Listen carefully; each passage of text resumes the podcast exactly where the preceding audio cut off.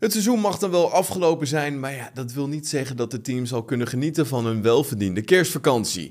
Er staan namelijk nog een tweetal van testen op de planning en wat er nou precies is, dat gaan we even met je doornemen.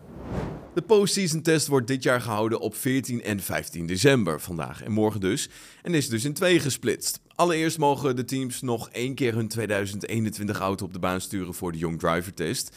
De teams mogen zelf kiezen op welke dag ze dit doen.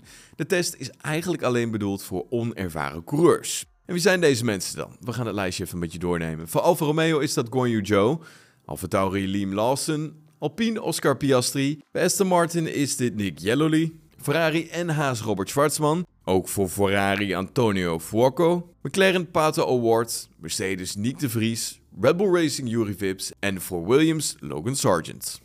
Daarnaast wordt er ook een Pirelli-test uitgevoerd met een prototype van de 2022 auto.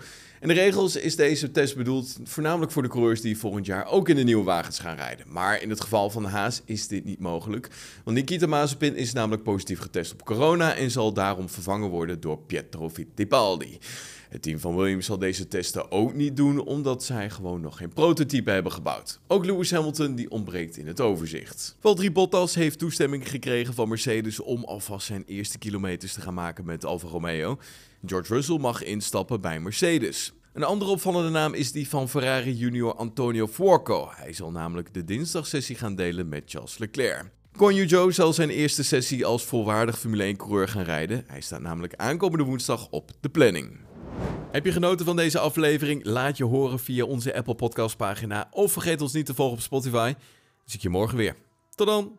Hoi.